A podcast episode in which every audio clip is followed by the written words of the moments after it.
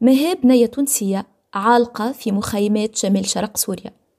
كيف ما هي ثم مئات الأطفال التوانسة من أبناء وأقارب مقاتلي تنظيم داعش عايشين في الخيم يحلموا باش يرجعوا لتونس يتعلموا فيها ويكبروا فيها.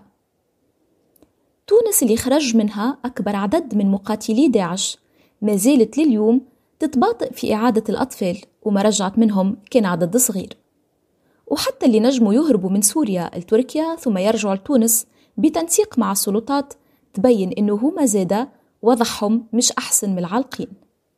أنا أمل المكي وهذا وطن خارج الخدمة. بودكاست باش نسمعوا فيه حكاية زوز أمهات. واحدة ما زالت في المخيم هي وصغارها وواحدة روحت لتونس. البودكاست هذا جزء من تحقيق خدمنا عليه مدة خمسة أشهر. كان المفروض باش أنا نسافر لشمال شرق سوريا ونلتقي الأمهات وأطفالهم المحتجزين في المخيمات. ولكن حلول جائحة كورونا منعني من ذلك. وهكا قررت نستعين بالزميل أختين أسعد صحفي كردي مقيم في القامشلي. بعد شهرين من المراسلات والانتظار حصلنا على ترخيص من قوات سوريا الديمقراطية باش نزوروا مخيم الهول. وكما يدل عليه اسمه المخيم اللي فيه 57 طفل تونسي من أصل 109 موجودين في شمال شرق سوريا ما كانش مكان جميل يطيب فيه العيش وكانوا مازال يمر بمشاكل أمنية كبيرة.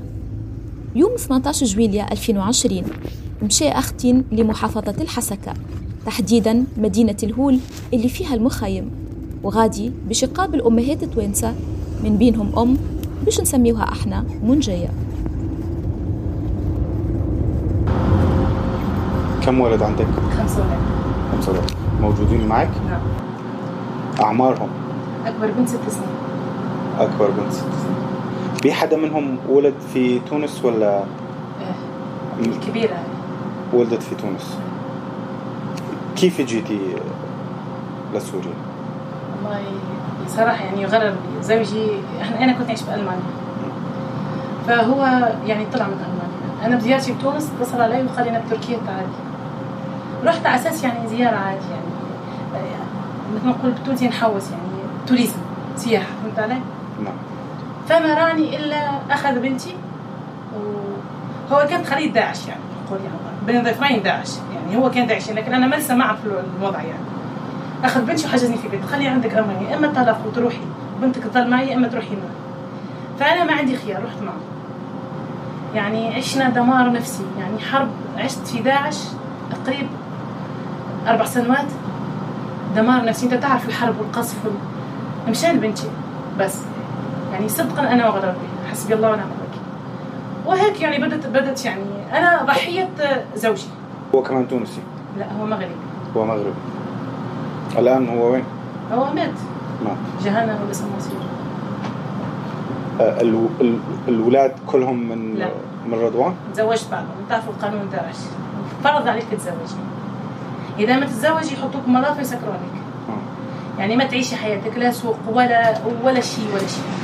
فاضطريت اتزوج في مقابلة معاها عبر الإيميل تقول ليتا تايلر باحثة أولى مختصة في الإرهاب ومكافحة الإرهاب في منظمة هيومن رايتس واتش إنه الاعتقال لأجل غير مسمى ومن غير توجيه اتهامات للأطفال التوانسة المحتجزين وحتى أبائهم في حالات كثيرة يرتقي للتجريم بحكم التبعية وللعقاب الجماعي.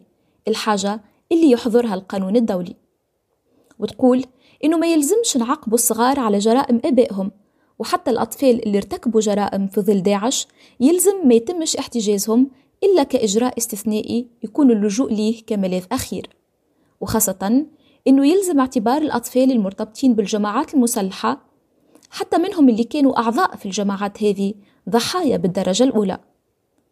وتزيد تقول لتا باعتبار الظروف الصعيبة في شمال شرق سوريا وليبيا وغياب أي إجراءات قضائية للمحتجزين فإن العودة هي الحل الوحيد. والنهج هذا المتمثل في التخلي عن الأطفال التوانسة المحاصرين داخل مناطق الحرب هو نهج غير إنساني وغير أخلاقي وغير قانوني. تونس تتقاعس إذن في إعادة الأطفال وما توصلتش بالمرة مع الإدارة الذاتية لشمال وشرق سوريا بالخصوص. عبير إيليا النائب المشترك لمكتب العلاقات الخارجية بالإدارة الذاتية. لا يوجد أي تواصل رسمي بيننا وبين آه، دولة تونس آه، ولا آه، لم يحصل بيننا أي تسليم لأطفالهم. لا يوجد أي بوادر ولم يتم الاتصال بيننا وبينهم بشكل رسمي. نرجع لتونس. وين تمكنت باش نقابل امرأة تونسية هربت من مخيم عين عيسى؟ ونجحت في الوصول لتركيا ثم تونس. امرأة متنقبة في ثلاثين من عمرها. خلينا نسميوها هادية. هي أم الأربعة صغار رجعت من سوريا في 2018 أكثر من عامين تعداو وما زالوا ثلاثة من صغارها مش قادرين يلتحقوا بالتعليم الرسمي ولا يتمتعوا بخدمات الإدماج ولا بالإحاطة النفسية.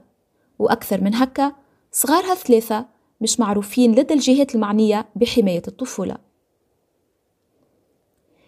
هاتيا ومنجية زوز نساء من بين آلاف أخرين غلطوا باختيارهم ولا تم إجبارهم ولا مغالطتهم باش يلتحقوا بالتنظيمات الإرهابية.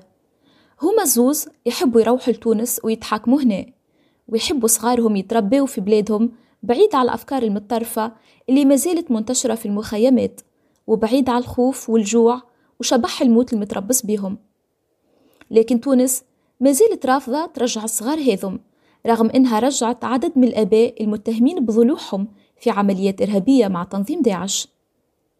هل السبب هو خوف جهات سياسية معينة من أنه رجوع الصغار وأماتهم ممكن يكشف حقيقة شكون اللي سفرهم وسهل التحاقهم بؤر التوتر؟ سؤال مش ممكن نجاوبوا عليه بسهولة. في الأثناء فما أصغار توانسة ما زالوا محتجزين في مخيمات عائلات داعش. ما يعرفوا من الدنيا كان لخيم ويحلموا كيف ما هي باش يعيشوا في دار بين أربعة حيوط.